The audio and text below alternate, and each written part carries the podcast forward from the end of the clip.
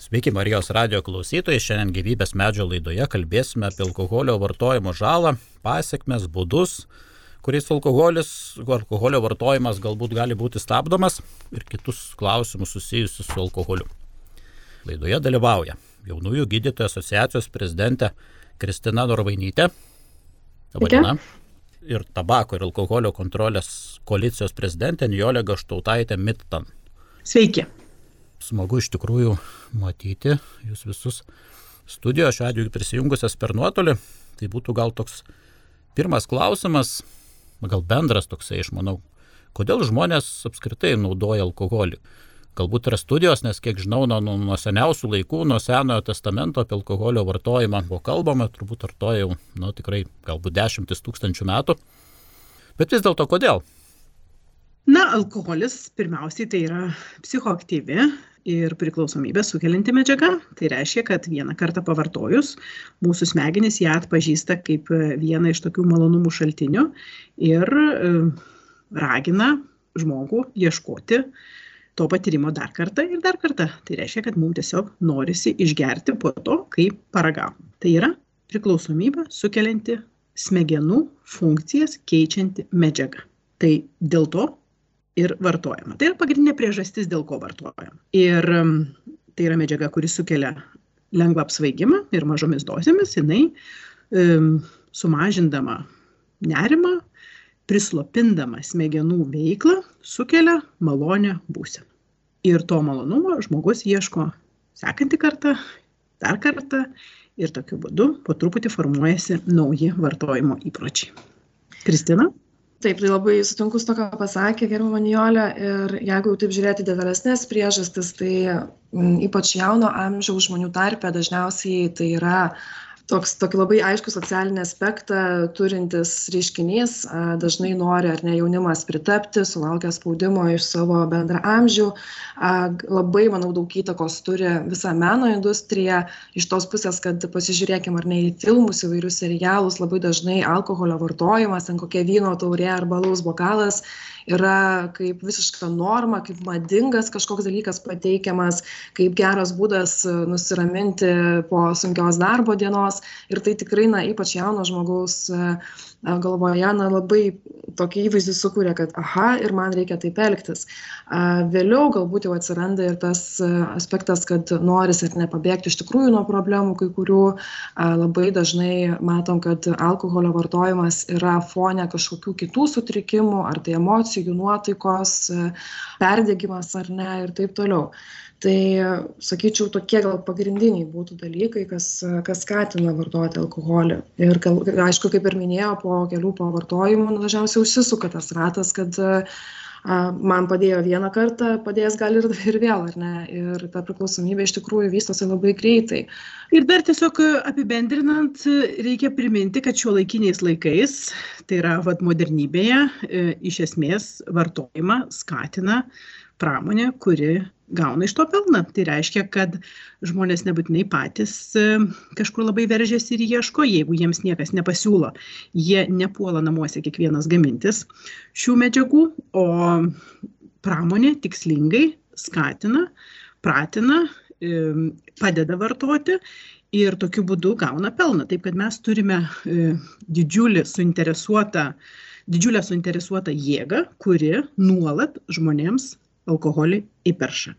Tai vat, yra kelios tokios priežastys. Viena vertus, tai yra pačios medžiagos e, savybė, tai yra aplinka, socializacija ir, ir kultūros aspektai ir taip pat pramonės veikla. Ačiū Jums atsakymą ir iškart kyla klausimas. Dažnai gir, tenka girdėti, skaityti ir tiesą pasakius dažnai iš tos pačios alkoholio pramonės kažkokių susijusių žmonių, kad iš esmės mažas kiekis alkoholio neveikia ir visas alkoholizmas yra, yra problema alkoholio vartojimo kultūroje. Ir remiasi tuo, kad alkoholis jau ten tikrai daug amžių naudojamas ir tikrai nėra šios dienos kažkokia naujovė. Ir kad, nu, gal viena kita taurė vyno ten prie pietų stalo, gal čia visai ir nieko. Ar iš tikrųjų pavojus alkoholis kelia problemų visiems žmonėms, kad ir kiek jo vartoto, ar, ar vis dėlto yra problema jo vartojimo kiekis? Žinoma, jeigu būtų apsiribota ta viena taure kažkada tai kartą metuose arba keletą kartų metuose, nu, ko gero nebūtų problemos, nes pavyzdžiui, vandeniu žmonės retai kada piknaudžiauja. Tai tiesiog atsigeri tiek, kiek norisi ir nebesinori. Kaip jau minėjau, medžiaga yra sukelianti priklausomybę, tai reiškia, kad atsiranda noras vis padidinti dozę. Čia yra problema, kad kultūriškai tą sureguliuoti yra labai sunku. Kai tai yra narkotikas, tai yra priklausomybė sukelianti medžiaga, tai pasakyti, kad vartoti narkotiką galima tik tai tam tikrom aplinkybėm, daugeliu žmonių nu, nepavyksta suvaldyti, sąmoningai suvaldyti to vartojimo. E, vienas dalykas ir vienas aspektas, bet kitas dalykas yra, kad ko nepasako tas pats alkoholio verslas, kad daugiausiai pinigų, tai jie užsidirba ne iš tų, kurie išgeria vieną šampano taurę per metus. Jie daugiausiai užsidirba iš tų žmonių, kurie geria žalingai. Tai yra išgeria daugiau, negu yra tas minimaliai rekomenduojamas mažiausiai žalingas lygmuo. Ir dar vienas aspektas, kad e, nėra saugios alkoholio dozės, net ir nedidelė alkoholio dozė, jinai vis tik tai padidina mirtingumą ir nebūtinai nuo priklausomybės, nebūtina tapti e, priklausomu nuo alkoholio žmogum, kad alkoholis žalą darytų taip taip iš tikrųjų čia gal toks ir yra vienas populiariausių mitų kad galima gerti kažkaip saugiai bet bet kokiu atveju bet koks kiekis alkoholio organizme jisai žaloja organizmo ląsteles ir kas baisiausia tai mūsų smegenų ląsteles ar ne veikia. Ir aš tą pavyzdį jau ne kartą naudojau na iš tikrųjų kai tenka labai net kartais jaunam žmogui pasakyti kad jums jau yra smegenų atrofija tai žinokit tokią žinią pranešti yra labai skaudu. Ir nu tu supranti kad žmogus iki tol nesuvokė kad tok būtent toks poveikis yra į organizmą ir dar atsakant į jūsų klausimą tai mm, vieni turi taip mažesnę riziką kiti kiek didesnę riziką kad išsivystys priklausomybė. Mes irgi visada kaip gydytojai klausiam ar yra šeimoje priklausomų nuo alkoholio ar nuo kažkokių kitų medžiagų nes labai dažnai kaip ir minėjau būna šalia kitų dar sutrikimų psichikos įskaitant ir kitas priklausomybes tai tas toksai mandras žodis predispozicija ar ne? Kai kurie žmonės turi ją didesnę vat būtent tą polinkį priklausomybės kai kurie mažesnę. Klausiu dar tada kito klausimo, gal kaip, kaip sveikata veikia alkoholis. Sakykime, mes visi matom tas jau kraštutinis pavyzdys, kai žmogus jau labai stipriai priklausomas, jau nusivažiuoja, bet, na, kalbėkime dabar apie tokį atvejį, jeigu žmogus, na, kartą per savaitę, ten koks penktadienį vakare ar šeštadienį vakarėlėje, truputį išgeria, nu gal ne visai truputį, ten paskaudėjo kitą dieną galvą, paskui lyg ir nieko iki kito savaitgalio, bet kas vyksta organizme žmogaus tuo laiku? Nu, va, gal apie tą paskaudėjimą ir labiausiai norėtųsi pasakyti, nes vis tik tai labai svarbu suprasti, kad um, alkoholis veikia visas organizmo sistemas, visą mūsų kūną. Tai jisai apnuodija ir, ir sukelia, užduoda darbo ir kepenims, ir kasai, ir skrandžiui, ir absoliučiai visai kraujotakos sistemai, širdžiai, jis paveikia viską. Ir jeigu mes tuo momentu, e, va, sakykime, vienkartinai pasigėrę, šalia to turime kažkokių tai įvairių lygų. Tarkim, padidintą kraujospūdį, turim kažkur tai beprasidantį galbūt vėžį, tai bet koks pasigėrimas jisai tą, nu, tikrai paskatins. Ir reguliarus nedidelis vartojimas. Taip pat paskatins. Jis paskatins tas bėdas kurios kūne jau yra. Todėl kad tai yra nuodinga medžiaga vienas dalykas. Ir kitas dalykas kad yra priklausomybę sukelianti medžiaga tai reiškia kad jinai paskatins vartoti dar ir dar kartą. Dar ką svarbu suprasti irgi kur dažnai e, komentuojant sakom vat kiekvienas pasigėrimas kodėl skauda tą galvą kitą kartą. Tai čia iš esmės yra kaip nedidelė galvos trauma tai reiškia kad kiekvieną kartą e, pasigėrus ypatingai jeigu buvo kažkoks tai ir atminties praradimas ir nebeatsimenam kas įvyko na tai reiškia kad praradom dalį neuronų tų tokių tikrai brangių e, organizmui ląstelių nes jos nelabai atsinaujina. Ir visi tie praradimai tai reiškia kad tiesiog mes vis po truputį po nedaug nes neuronai yra labai mažiukai prarandam smegenų masę. Prarasdami smegenų masę mes proto savo tikrai nepridedam. Ir dėl to alkoholis, net ir saikingai vartojamas, jisai nu, padidina riziką visų kitų lygų, padidina ir paaštrina visas kitas būklės kūno. Ir be jokios abejonės padidina vėžio riziką, tą mes taip pat labai gerai žinom.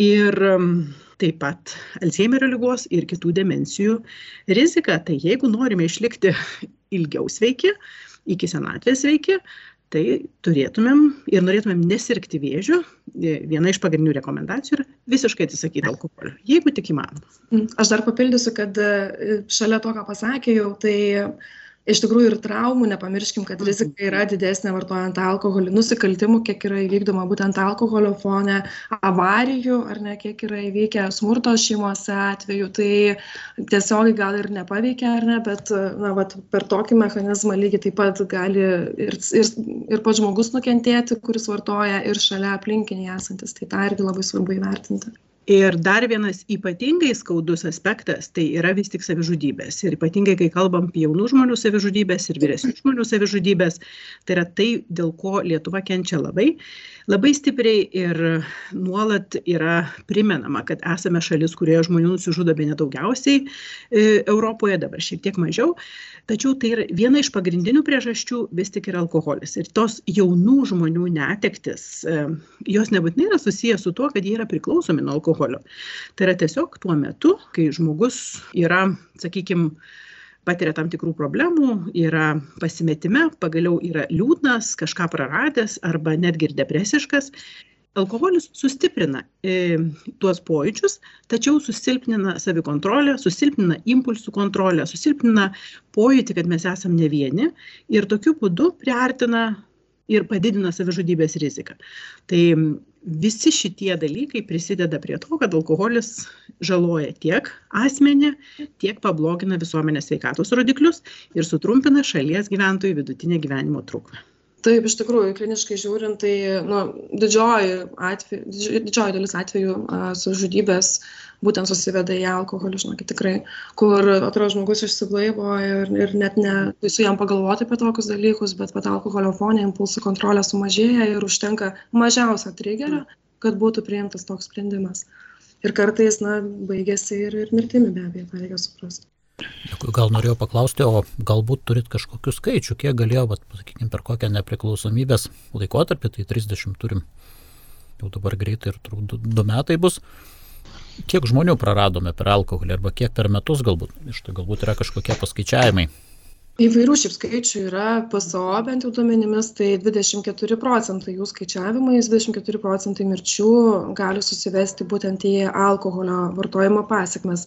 Žinau, kad dabar Lietuvoje vyksta irgi tyrimas ir, ir skaičiuota buvo, tas procentas šiek tiek mažesnis yra mažiau truputį ir kažkas, nežinau, apie 15 gal dabar bijau pameluoti, žinokit, gal, gal Nijolė geriau žino tikslių skaičių dabar tikrai nepasakysiu bet vat kaip ir sakė nes yra išskaičiuota ir lietuva pasižymi tuo kad nu mes prarandam mes esam tarp tų kurie daugiausiai praranda dėl alkoholio. Tai yra tos išvengiamos mirtys tai reiškia kad jeigu pavyktų sumažint alkoholio vartojimą tų mirčių būtų išvengta. Ir mes europoje ir kai kuriais atvejais net ir pasauly mes esam prie tų šalių kuriose šitie skaičiai mirtingumo išvengiamo dėl alkoholio e, patiriamo mirtingumo ir išvengiamo mirtingumo skaičiai yra didžiausi tas ypač svarbu kad tas išvengiamas mirtingumas yra daugiausiai darbingo amžiaus palyginus jaunų žmonių tarpe. Ir dar galbūt svarbu žinot kad vis tiktai didžiausią žalą kažkuria prasme patiria tie kurie yra šiek tiek atskirtyje žmonės. Tai yra turintys įvairių sunkesnių ligų turintys mažiau pinigų patiriantys kažkokią tai socialinę atskirtį gali būt netgi ir geografinė atskirtis ir tai kad jie yra tam tikroj socialinėj izoliacijoj Taigi e, tuo pačiu alkoholio vartojimas ir, ir, ir, ir nu, kaip pasakyti, alkoholio verslas, jisai stiprina tą ir socialinę neligybę, ir kažkuria prasme socialinę neteisybę, e, kad labiausiai pažeidžiamus žmonės e, alkoholis žaloja labiausiai. Dar vienas toksai yra, na nežinau, nuomonė, ar, ar kaip pasakyti, nežinau, kiek jinai kuo paremta kad na, žmogus tarsi turi, čia yra psichologinė problema, kad žmogus turi norą svaigintis, pabėgti nuo gyvenimo ar kažkaip kitaip kažkokias problemas spręsti. Ir jeigu mes dabar alkoholį, sakykime, visai uždraustume, na, tai žmonės kažką atras, tada svaiginsis narkotikais, galbūt dar pavojingesniais, dar kažkokias medžiagas ir čia kova su vėjo malūnais tarsi ten ribota alkoholį ir reiktų kovoti su priežastim, iškės tikroje, kodėl žmogus nori svaigintis. Tai, nu, tokia mm. nuomonė irgi manau, kad alkoholio tokių vartojimo kultūros šalininkų tenka girdėti. Ir kad, na, tai yra alkoholis tokia, nu, blogybė, bet jinai mums pažįstama yra, einanti ten per kartų, kartų kartas ir, ir kad tai, na, tarsi nieko neduotų tas. Ką Jūs galvojate šito klausimu? kova su priežastimis, tai toks šaunus dalykas, bet ar tai reiškia, kad bus kovojama su žmogaus prigimtimi, mes padarysime, kad jisai būtų visada laimingas, nepatirtų skausmo, nepatirtų lygų, nepatirtų išsiskirimų. Tai čia turbūt apie tas priežastis kalbama. Kitaip sakant, apie žmogišką būti, kuri savyje talpina taip pat ir labai nemalonius jausmus, konfliktus, kovas, sunku darbą kartais, alkį netgi pagaliau. Tai mm, bijau, kad čia tokia utopinė idėja, gal ir, gal ir šauni idėja, kad būtų galima panaikinti ir link to judam, bent jau tikrai stengiamės išgydyti kiek galima daugiau jėgų, lygų, bet priežastis tai yra tiesiog dėmesio nukreipimas. Vis tik tai pagrindinė priežastis, dėl ko vartojama ir pavyzdžiui Lietuvoje tai yra vis tik labai didelis prieinamumas, nedidelė kaina ir didelis priimtinumas visuomenėje. Bet ką mes ir stebėjom turbūt, kad ir keletą atvejų, kai nuskamba tokie rezonansiniai įvykiai, tokie labai ryškus, kai žmonės pakliūna išgėrę ir kiek yra pateisinimų, kiek yra užuojautos ir palaikymo žmonėms, kurie, nu, vat, padarė, nu, nebūtinai nusikaltimą, bet nusižengimą išgėrė. Tuo tarpu, jeigu žmogus padarė klaidą, kažką netaip pasakė arba uh, ne taip pajokavo, pasmerkimas yra žymiai didesnis ir, ir, ir to, nu kaip pasakyti, polarizacija gali būti netgi žymiai labiau išreikšta. Taip kad labiausiai vartojama yra dėl to, kad alkoholis yra lengvai prieinamas, jis yra reklamuojamas, tai reiškia, kad mums yra nuolat primenama, ko reikėtų norėti šį vakarą prie mm, pietų, ko reikėtų norėti žiūrint krepšinį, ko reikėtų norėti einant su draugais, ko reikėtų norėti nu, einant žvejoti, mums tiesiog primena ir transliuoja visą laiką į ausį. Tai šitie aspektai jie negali neprisidėti prie vartojimo. Aha, ir matot kadangi alkoholio pramonė labai bando pateikti alkoholį kaip kažkokį prestižinį e, labai rafinuotą dalyką ypač tauriųjų ar ne tų gėrimų atvejais kas liečia narkotikus niekas taip, negalvoja apie, apie šitas psichoaktyves medžiagas. Tai manau labai drąsus šuolis būtų sakyti kad jeigu nu, ribosim alkoholio vartojimą tai staiga visi kažkaip pereis prie narkotinių medžiagų. Nemanau tikrai. Aišku, nu, aišku tyrimo aš nesu mačius. Ar tai kažkaip pat... tiesiog pakomentuojant tyrimų yra. Ir vienas iš tų aspektų yra tai kad islandijoje įvedus itin griežtus ribojimus ir pradėjus vykdyti labai griežtą alkoholio kontrolės politiką vaikų tarpe ir jaunimo tarpe alkoholio vartojimas sumažėjo drastiškai, bet tuo pat metu mažėjo rūkimas ir mažėjo nelegalių narkotikų vartojimas. Tai reiškia kanapių ir kitų narkotikų vartojimas. Ir mes žinom, kad kai pavyksta sumažinti vieno narkotiko vartojimą, paprastai sumažėja ir kitų narkotikų vartojimas. Ir dar svarbu žinot, kad nemaža dalis pirmą kartą paragauja tos pačios žolės arba kitų nelegalių narkotikų būtent išgeria. Pirmą kartą pasigeria, kažkas pasiūlo, yra, yra vakarėlis ir tuo metu ir pasiūlo. Tai kai mes kalbam apie tai, nuo ko pradeda, labai dažnai pradeda nuo pirmo narkotiko alkoholio, o tada pradeda vartoti iš smalsumo arba kombinacijų kartu visus juos kitus. Taip, kad sumažinus alkoholio vartojimą, ypatingai jaunų žmonių tarpe, mes galim pasiekti ir kitų narkotikų vartojimo sumažėjimo. Gali būti, kad tai ir yra problema, nes kaip tik nu, abiems pramonėms tiek legaliai, tiek nelegaliai norisi, kad vartojimo būtų daugiau, nes tik didesnis vartojimas užtikrina jiems didesnį pelną. Labai, labai įdomus atsakymas, ačiū Niolė, man irgi buvo nauja informacija. Aš dar papildyčiau tuo, kad uh, mes galbūt negalim visais atvejais ar neužbėgti įvykiam už akių ir, ir tas priežastis atakuoti, bet iš kitos pusės, ką dabar matau visuomeniai, kad tampa vis labiau madinga kreiptis pagalbos į psichologus, į psichoterapeutus, nežinau, ar girdėjote, tikrai dabar eilės yra be proto išaugusios, jau netgi darosi sunku iš tikrųjų surasti kažkur, bet kur greitai prieiti tokios pagalbos. Aš manau, kad tikrai ta tendencija uh, šiek tiek vat prisidės prie to, kad ne alkoholio žmonės vis dėlto griepsis, o konstruktyvesnių pagalbos būdų. Ir beje, alkoholiu, e, alkoholiu ne tiek gydomas yra. Čia irgi yra absoliuti mitologija, jeigu paklausite, ir, ir tą mes žinome jau ir iš apklausų, e, kada žmonės pradeda gerti, jie pradeda gerti ne iš skausmo. Jie pradeda gerti dažniausiai dėl to, kad jiems yra smagu, linksma, jie nori pritapti, jie nori būti kartu, jiems yra smagu ir tai pradeda vystytis tokiu būdu. Tas gydimasis alkoholio arba gėrimas iš skausmo, nu jis yra žymiai retesnis ir jis yra žymiai vėliau, kai jau yra įprantama ir tiesiog atrandama, kad tai yra būdas prislopinti bet kokią psichinę veiklą. Tiek malonę, tiek nemalonę. Tai Dar vienas klausimas, toks irgi dažnai minimas, kad tarsi yra gerasis alkoholis ir blogasis alkoholis. Yra Mm. stiprusis, tai jau čia, nu, kokia degtinė ar ten brandis ar kažkas tai panašaus, jau čia yra jau, jau yra didesnė blogybė negu, sakykime, sidras, alus ir, ir, ir, ir kiti panašus gėrimai, ten iki 5 laipsnių. Ir tarsi peršama, kad, na, gal šičiau reiktų liberalizuoti, kiek įmanoma. Ir dabar, aišku, pakankamai liberaliai nusipirkti gali bet kur praktiškai ir, nu, bet kada dar iš- išskyrus ten tas valandas. Ar yra iš tikrųjų skirtumas, kokį alkoholį vartoti? Ar, ar kažkoks alkoholis stipresnis daro didesnę žalą negu lengvesnis? Čia mūsų prašoma beveik somelie rekomendacijos, bet, bet sako, reikia mokytis, gal net ir mokyklose ilgai šito, šito dalyko, tai turbūt, kad neparekomenduosim, bet šiaip jau formulė viso alkoholio yra vienoda, e, visas alkoholis yra vienodas, tačiau be jokios abejonės didesnė jo koncentracija žaloja labiau. Tai reiškia, kad išgeriant stiprų gėrimą, mes savo pakenkiam labiau negu išgeriant silpną gėrimą. Bet, betgi e, ir to silpno gėrimo galima išgerti nu, 3 arba 5 litrus e, ir tokiu būdu mes pasieksim turbūt tą keletą savo taurelių degtinės. Taip kad visa esmė yra gryno alkoholio kiekis, kurį išgėrėme. Ir kuo jis yra didesnis, tuo daugiau yra žalojamas, daroma didesnė žala organizmui. Ir alkoholio vartojimas dėl to yra matuojamas ne tiesiog aš išgėriau alaus arba aš išgėriau vyno arba degtinės, o matuojama e, standartiniais alkoholio vienetais. Ir standartinis alkoholio vienetas yra 10 gramų gryno alkoholio ir jo yra nu, skirtingai šiek tiek kiekviename gėrime. Tarkim, mažas alaus yra apie 2 standartinius e, alkoholio vienetus. Normaliam butelėje vyno yra apie 8 gryno alkoholio vienetus.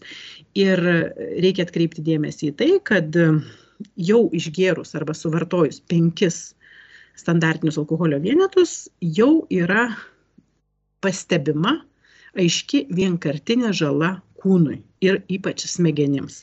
Tai yra, yra nerekomenduojama per vieną kartą suvartoti daugiau nei 5 standartinius alkoholio vienetus.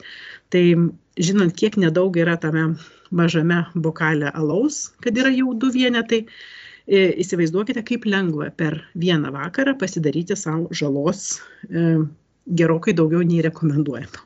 Čia iš tikrųjų toks momentas, ar ne, kur labai lengva save psichologiškai nuraminti ir, ir apgauti, kad ai, čia labai silpna, bet dažniausiai jie ir pigesni, ar ne, ir, ir gal net ir skanesni kažkam ir va tokių, ar ne, tiesiog, nu, ganėtinai tikrai lengva yra per vakarą išgerti labai daug ir viršyti kelis kartus tą rekomenduojamą, ar ne, vienkartinį suvartojimą kiekį alkoholio grino.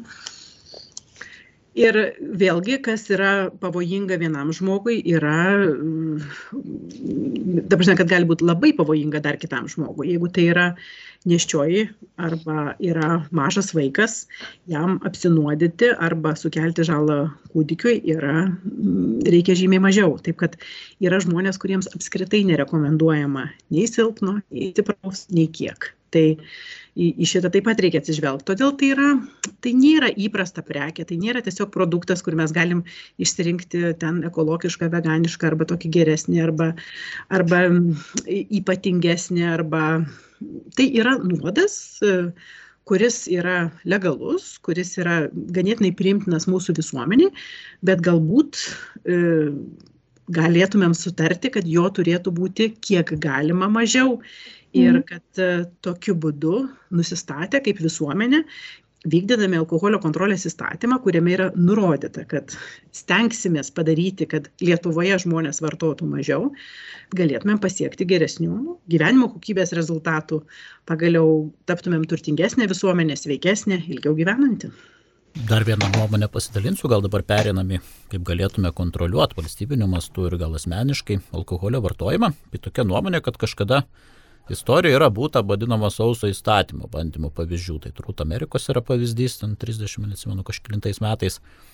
Vėliau Suomija ir, nu, ir tarsi nepasiteisino ta politika, bent jau tą girdėti iš viešosios nuomonės. Studijų tikslių neskaičiau, kad vartojimas ten pradėjo kontrabandos mastai, vartojimas dėl to nepamažėjo ir dažnai nurodoma tokia priežastis, kad, nu, jeigu mes dabar va, tą legalų alkoholį tarsi kažkaip tai uždarytume, tai tada kažkokius surogatų žmonės pradės daryti, pradės nusinuodyti, aišku, pateikimi pavyzdžiai, kad kažkas kažkur tikrai ten nusinuodijo. Ir kad tai, nu, kažkoks tai iš esmės kova su vėjo malūnais. ką jūs gal apie tai galėtume daugiau pasakyti, kokia jūsų nuomonė? tai ir neuždraudus to alkoholio surogato, žinokit, vis tiek žmonės vartoja ir kiek apsinuodimo atveju yra skubos pagalbos skyriuose, tai turbūt ir nusteptumėt.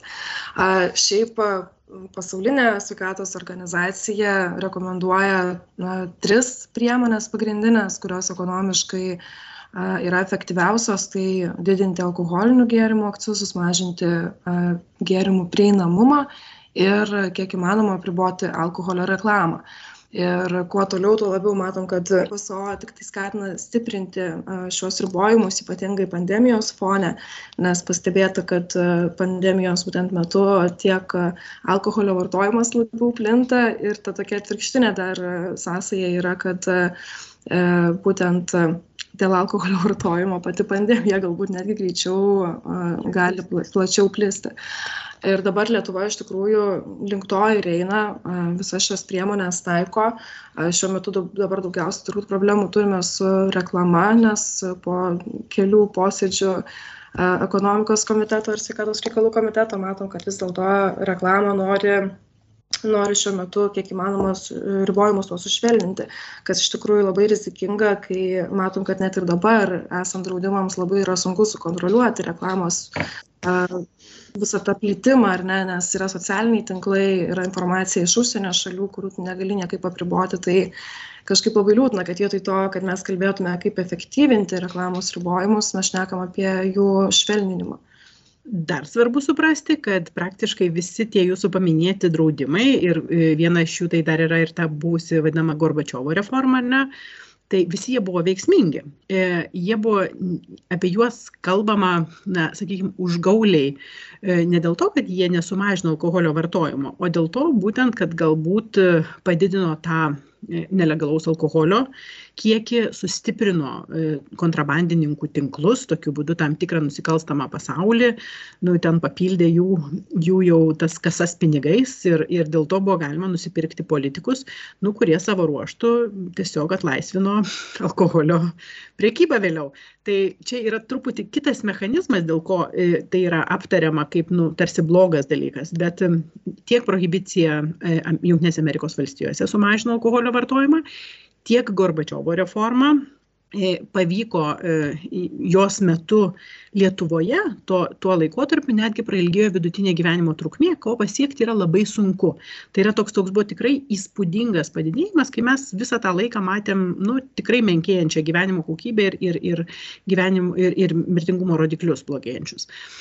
Ir dabar matom vėlgi, kad pritaikius va tas minėtas veiksmingas priemonės, per trejus metus pavyko trimis litrais sumažinti alkoholio vartojimą. Ir tą pripažįsta tiek alkoholio verslas, jie truputį virkauja ir skundžiasi, kad, kad geria žmonės mažiau, mes nebegalim čia, taip sakant, pakankamai parduoti. Kita vertus, žinom, kad ir jų pelnai nelabai sumažėjo. Tuo taip pat ir į valstybės išdai yra surenkama daugiau. Taip kad tos griežtos priemonės, jos nėra kova su vėjo malūnais, jeigu jos įdėgiamos veiksmingos, jos pasiekė rezultatą. Ir šalyje sumažėjo alkoholio vartojimas beveik 3 litrais per 3 metus, tai yra didžiuliai skaičiai, tai daro įspūdį ir pasaulio sveikatos organizacijai, bet tai daro įspūdį ir daugybė šalių. Mūsų klausinėja ir per nevyriausybinės organizacijas klausia, kaip jums čia pavyko, kaip jums pavyko įtikinti politikus, ar taip gali būti, kaip jums pavyko įveikti kažkuria prasme alkoholio verslo interesus. Kad, bet matom, kad iš tikrųjų tai yra hydra su daugybė galvų ir trumpam įveikus e, alkoholio verslo interesų tą stiprėjimą, jisai labai greitai atsigauna, jis vėl prisirenka pinigų, vėl turi e, galimybę užsimti lobizmu, kai kuriais atvejais nusipirkti netgi ir tokius labai šaunius, puikius e, jaunus žmonės. Aš dar prisimenu vieną iš dabar žinomų alkoholio lobistų, kuris labai drąsiai šneka alkoholio pramonės e, paruoštukais ir aiškiai gina e, būtent e, alkoholio pramonės interesus. Jisai kažkada tai buvo nevyriausybinių organizacijų irgi vienas iš vadovų ir drąsiai pasisakė už tai, kad būtų ginami visuomenės veikatos interesai, o ne, e, ne alkoholio arba kitos pramonės e, siaurų, siauri interesai. Tai jie turi pinigų nusipirkti tiems žmonėms ir jauniems žmonėms, kurie e, turi proto įgūdžių, advokatavimo įgūdžių ir juos dabar naudoja prieš tos pačius visuomenės sveikatos interesus. Taip kad tai nėra tokia kova, kuri baigėsi labai lengvai. Visuomenė visą laiką turi būti budri ir tiesiog turi išlaikyti dėmesį, nu, turi, turi nepamiršti savo tikslų. O norim iš tikrųjų, kad jauni žmonės turėtų ateitį, norim, kad jauni žmonės gyventų sveikiau, kad jie turėtų tikslų, kad jie norėtų mokytis. Visiems šitiems tikslams alkoholis trukdo, nepadeda. Tai tai turėtumėm tiesiog išlaikyti ne, nepamesti iš akių tikslo, nepamesti iš akių sveikesnės visuomenės ir tai padės galbūt šiek tiek e, užkardyti tuos tą įžūlų verslo interesų, kaip pasakyti, reikalavimus kurie yra dabar. Taip, iš tikrųjų, pasaulyje mūsų progresas labai vertinamas, esam, nepamirškim, penketukė didžiausio progreso padariusių šalių. Ir tai, kad į ekonomikos komiteto ar ne susirinkimus ateina net keli pasaulinės sveikatos organizacijos atstovai, kurie tikrai labai prašo nepamesti tų priemonių, kurias mes dabar vykdom, tai irgi labai didžiulį palaikymą rodo tai tikrai noris tikėti kad kažkaip pavyks atlaikyti tą spaudimą pramonės alkoholio pramonės nes vien tai kad ar ne šitas klausimas atsidūrė ekonomikos komiteto kaip pagrindinio komiteto darbotvarkėje jau vien tai kelia labai daug klaustukų kaip tai įvyko nes vis dėlto alkoholis daugiau yra ar ne apie sveikatą nu prasme kaip išsaugot sveikatos interesą o ne ekonominį. Nors beje kažkaip nepaminėjom dar to bet jeigu jau ekonomikos komitete atsidūrė šitas klausimas reikia pasakyti kad 4 e, procentus BVP mes kiekvienais metais prarandam būtent dėl alkoholio pasiekmių. Tai manau, kad tas skaičius yra tikrai didžiulis. Ir šitą skaičių mums sako jau nebe pasaulio sveikatos organizacija. Šitą skaičių sako e, ekonominio e, bendradarbiavimo plėtros organizacija, kurią mes taip stengiamės pakliūti. Ir jie primena ir išskiria ir sako, Lietuva yra ta šalis, kuri daugiausiai praranda dėl alkoholio vartojimo. Tai yra jūsų ekonomika praranda praranda pinigus kuriuos jūs galėtumėt panaudoti geriau. Turėtumėm į tai atsižvelgti tai yra vis tiktai jau ekonominiai argumentai nebe netgi sveikatos argumentai. Ir pavyzdžiui sveikatos komitete tai yra ekonomikos komitete buvo netgi pasakytas ir kitas toksai e, ekonominį atspalvį turintis argumentas kurį pristatė profesorius remas vienas garsiausių alkoholio kontrolės politikos ekspertų ir mokslininkų šioje srityje. Ir jisai aiškiai parodė kad netgi tas ganėtinai paprastas ir dabar šiuo metu atakuojamas sekmadieninis draudimas, kad jisai padėjo e, sumažinti krūvį prieimimo skyriams. Tai reiškia, kad ypatingai va šituo, sakykime, COVID laikotarpiu, tai, kad buvo taikomas apribojimas nusipirkti alkoholio po trečios valandos sekmadieniais, padėjo būtent sekmadieniais sumažinti priėmimų skaičių būtent ūmios pagalbos skyriuose. Nu, tai yra didžiulis dalykas, kai, mum, kai yra pandemija, kai yra šiaip padidėjęs tas perteklinis mirtingumas, tai reiškia, kad yra daugiau infarktų, insultų žmonės kreipiasi prašydami skubios pagalbos. Yra labai svarbu nukrauti dar ir tą tą apsinuodijimų išgėrusių žmonių traumų ir panašių dalykų krūvį skyriams. Ir tai yra ekonominis dalykas, nes tai reiškia, kad reikia truputį mažiau gydytojų, kad galima išsiversti su paprastesnėm, pigesnėm procedūrom. Tai jau yra ekonominiai argumentai. Na ir labai tikimės, kad parlamento nariai vis tik tai išsiklausys į mokslą, o ne tiesiog į, nu, kaip pasakyti, kai kur asmeninės preferencijas arba, arba norus ir taip pat ir verslo, verslo interesus, nes verslo interesai šiuo atveju yra priešingi valstybės ir visuomenės sveikatos interesams. Turėjom iš tikrųjų alkoholio kontrolį praėjusios turbūt vyriausybės na, gerą pavyzdį ir turbūt dėl to buvęs jau dabar ministras, sveikatos apsaugos ministras Veryga turbūt labiausiai keikiamas politikas, bent jau tuo laiku, bent jau žiniasklaidoje tikrai galiu pasakyti, kad Bet vis dėlto kažkas tai buvo vis tiek tokie žingsniai padaryti ir kaip manot, kas efektyviausia buvo vis dėlto, va taip dabar jau na, galima pagrįžti kelis metus į priekį, kas davė tą efektą. Tai minėjot, minėjot 3 e, litrus, jeigu neklystų, 17 procentų buvo sumažėjo vartojimas. Bent jau tai buvo mhm. rašoma. Kokie žingsniai darė, da, davė didžiausią naudą? visuomenės sveikatos rodikliam e, vis tik tai greičiausiai didžiausią įrodytą poveikį daro kaina. Tai reiškia tai, kad pavyko padidinti akcizo, akcizą ne vieną kartą ir kad tas akcizo didinimas ir toliau tęsiamas ir jis yra palaikomas, tai ko gero turi tikrai labai didelį, didelį greitą va, tą poveikį, nes mm, žmonės žmonės yra protingi. Jie mato jie pasiskaičiuoja ir jeigu gali sutaupyti jie suvartos mažiau. Nes kiekvienas kainų pakėlimas ypatingai šalyje kurioje pinigų trūksta kurioje žmonės gyvena palyginus neturtingai na kiekvienas tas padidinimas jisai turi turi savo poveikį. Ir dėl to mes žinom kad ko gero daugiausiai gyvybių išsaugojo va būtent tie akcizo pakėlimai. Tačiau ilgesnį poveikį neabejotinai turi reklamos draudimas jeigu nenutrauksim šito reklamos cunamio kuris nuolat bombarduoja jaunus žmones tai mes ir toliau palaikysime tą kultūrą norą priminimą priminimą vartoti. Jeigu pavyksta bent jau sumažinti tą reklamos bangą e, kuri atakuoja tiek jaunus žmones kurie dar tiktai ieško ką čia išgerti arba ką vartoti arba tuos kurie jau atsisakė vartojimo dėl to kad nebegali. Irgi jiems jų pasiryžimą, taip sakant, zulina ir menkina ir, ir trukdo. Tai e, bus labai sunku sumažinti suvartojimą. Tai ilgalaikė prasme, kultūros keitimo prasme, vat, būtent tą, ką sako alkoholio pramonė, jie turėtų galbūt net ir savanoriškai pasiryšti atsisakyti to pirkimo skatinimo, vartojimo skatinimo. Nes užtektų atsisakyti didžiulių pinigų kurie yra skirti vartojimo skatinimui ir mum iš karto būtų lengviau e, vykdyti švietimo programas mokyklose būtų lengviau e, vykdyti kitas prieinamumo mažinimo priemones jeigu nebebūtų to spaudimo vartok vartok vartok.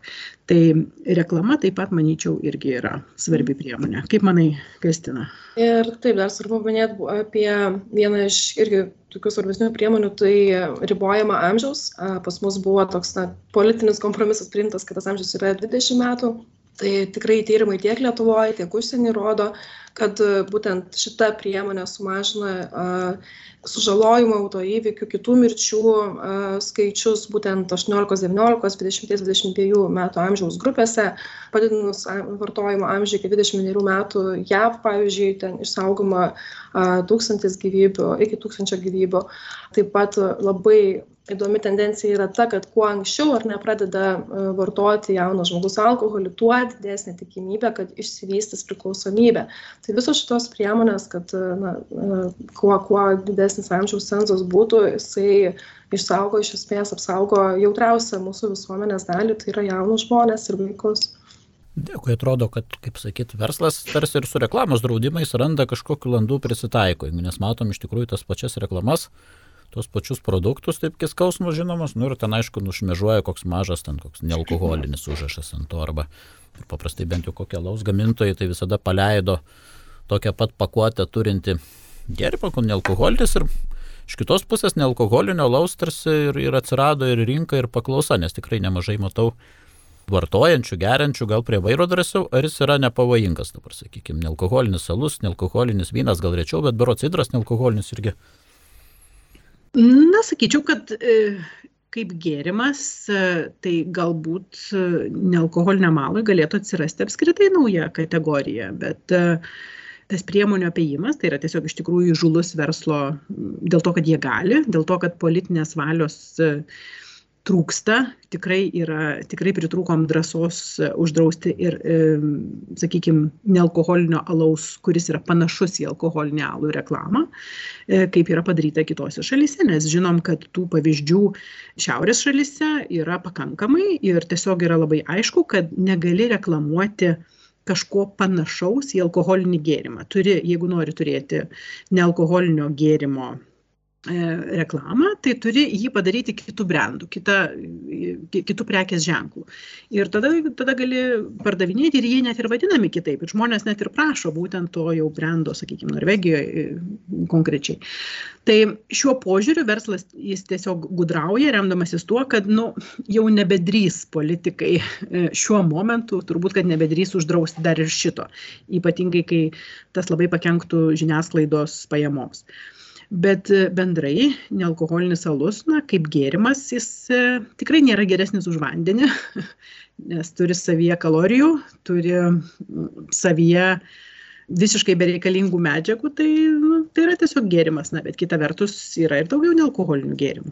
Pats savyje dalykas, kuris neturi alkoholio, nu, jis nėra pavojingas, jis yra pavojingas tik tai kaip e, tuščios kalorijos psichologinis momentas tiesiog ar ne vėlgi yra, kad tu tiesiog toliau tęsi savo lojalumą kažkokiam brandui ar ne, kažkokiai etiketėjai, kažkokiam gamintojui. Tai a, klausimas, kada tai persivers į, į alkoholio vartojimą tiesiog, net jeigu ir pradeda žmogus, tarkim, vartoti nealkoholinį. Tai Gali būti, bet čia tie ryšiai gerokai sudėtingesni yra, tačiau sakyčiau, kad visa problema yra ne, ne tik tai tame, kad, kad yra reklamuojamas nealkoholinis alus jie labai aiškiai yra pasakę. Ir šitas yra ir žiniasklaidoj mes reklamuojame visą segmentą.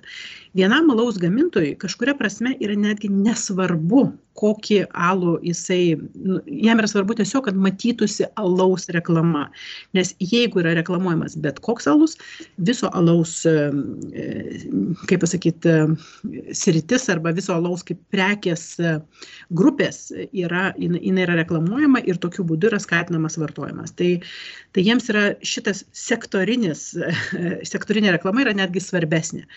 E, tai pavojus e, yra ne tame, kad nealkoholinis alus jis yra vartojamas didžiausias, o tai, kad yra reklamuojamas, e, būtent realiai yra reklamuojamas alkoholinis gėrimas prisidengiant nealkoholinę reklamą.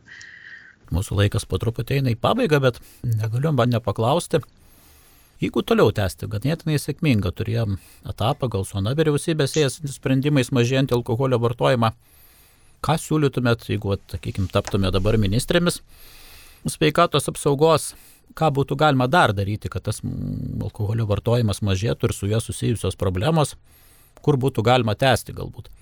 To, ko pritrūko ryšto gal anai vyriausybei, kokie būtų jūsų pasiūlymai gal tokie?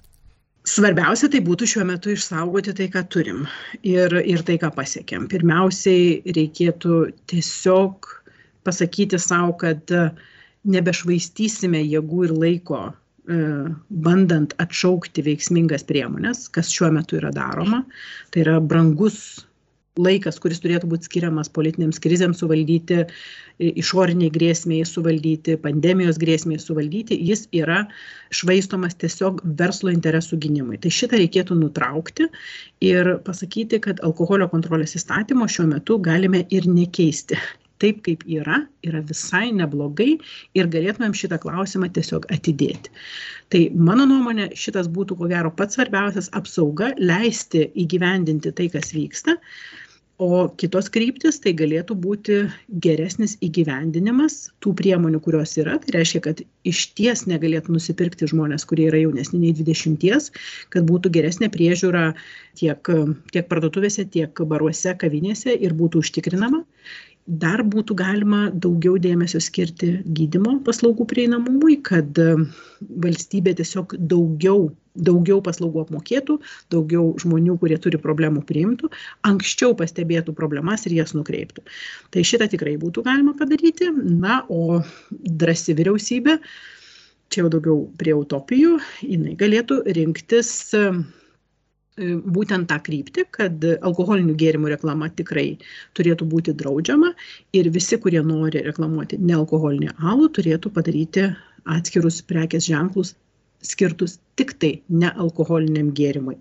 Ir kad žmonės išmoktų, kad perku ne nealkoholinį alų, o pavyzdžiui, ten kokį nors ups ar gau ar, ar, ar, ar dar kažką, tai tiesiog, tiesiog būtent tą gėrimą, kitokį gėrimą.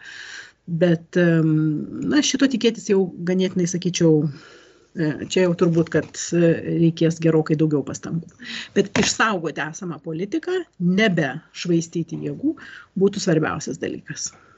Jo, tai visiškai pritariu, gal tokiais dar bendrais principais, tai manau svarbiausia, kad e, sprendimų prieimėjai pasitikėtų mokslu, tuo, ką turim geriausio, nes nu, tiesiog alternatyvos geresnės nėra apart įrodymų tai ir investuotų į Lietuvoje tiesiog atliekamus tyrimus, kad būtų iš tikrųjų galima kuo objektyviau įvertinti, kurios priemonės veikia, kaip tiksliai veikia, ką galima pastiprinti, kas galbūt iš tikrųjų neveikia, nes dabar bandoma spekuliuoti be konkrečių duomenų, tik tai kažkokiais tarpiniais ir juos naudoti būtent prieš bandymą išlaikyti ribojimus.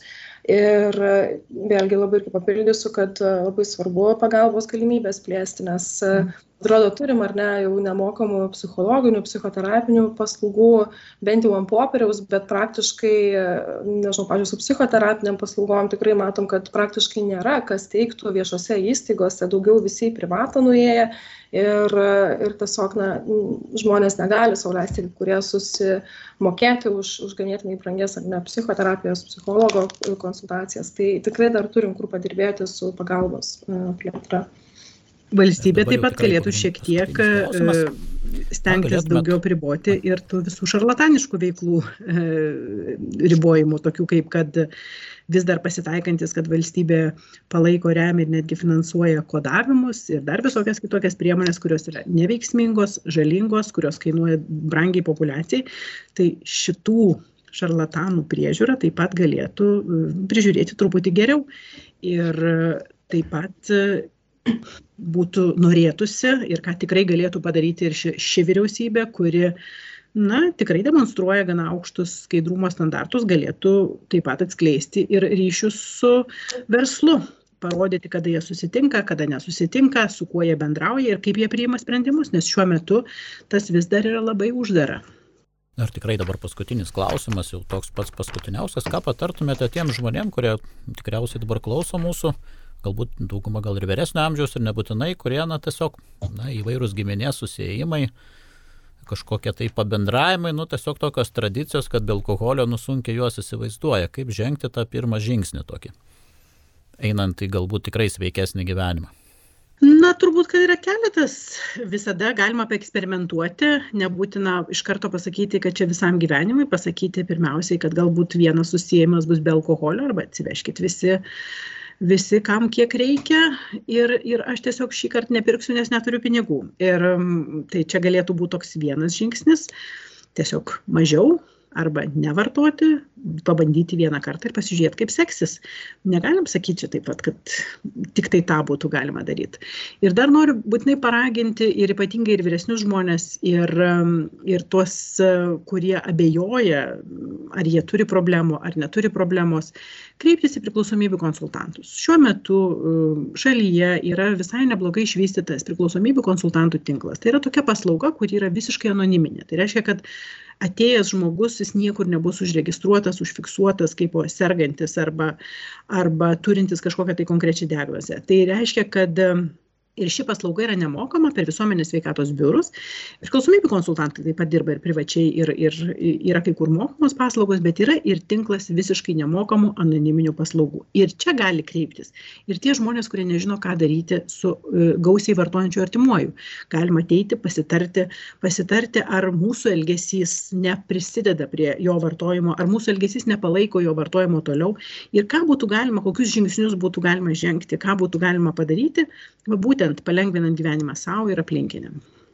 Aš manau, kad vėlgi nereikia turėti iliuzijos, kad bus labai lengva, nes tikrai socialinis spaudimas mhm. yra didžiulis ir viskas na, susideda į tavo paties pasiryžimą, kiek tu iš tikrųjų nori to alkoholio sumažinti vartojimą ar visai jo atsisakyti. Tikrai pirmais kartais visi žiūrė, kartais žiūri tave kaip į pamišelį, bet kuo toliau, nu, tuo labiau susitaiko žmonės tuo, kad tavo pasirinkimas yra toks tai kartais pasikeičia ir draugų ratas būna ir taip iš tikrųjų, kai jau nusprendė šitas, šituo keliu eiti, kad man nebereikia alkoholio.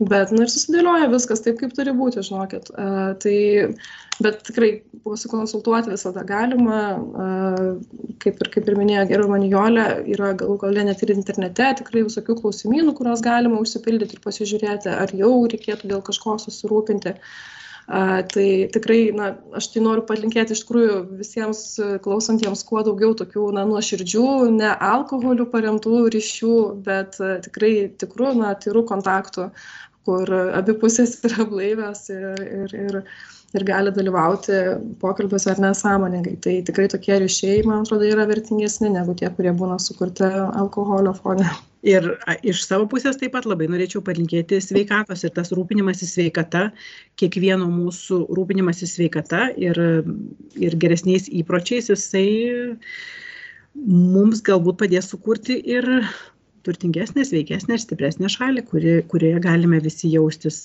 saugus ir jaustis geriau. Ačiū Jums labai. Laidų gyvybės medžio laidoje apie alkoholį kalbėjo jaunųjų gydytojų asociacijos prezidentė Kristina Norvainytė ir nacionalinė tabako ir alkoholio kontrolės koalicijos prezidentė Nijolė Goštautaitė Mita. Laidžio vedžiau aš, Dalius Rakutis, iki pasimatymo, brangus klausytojai.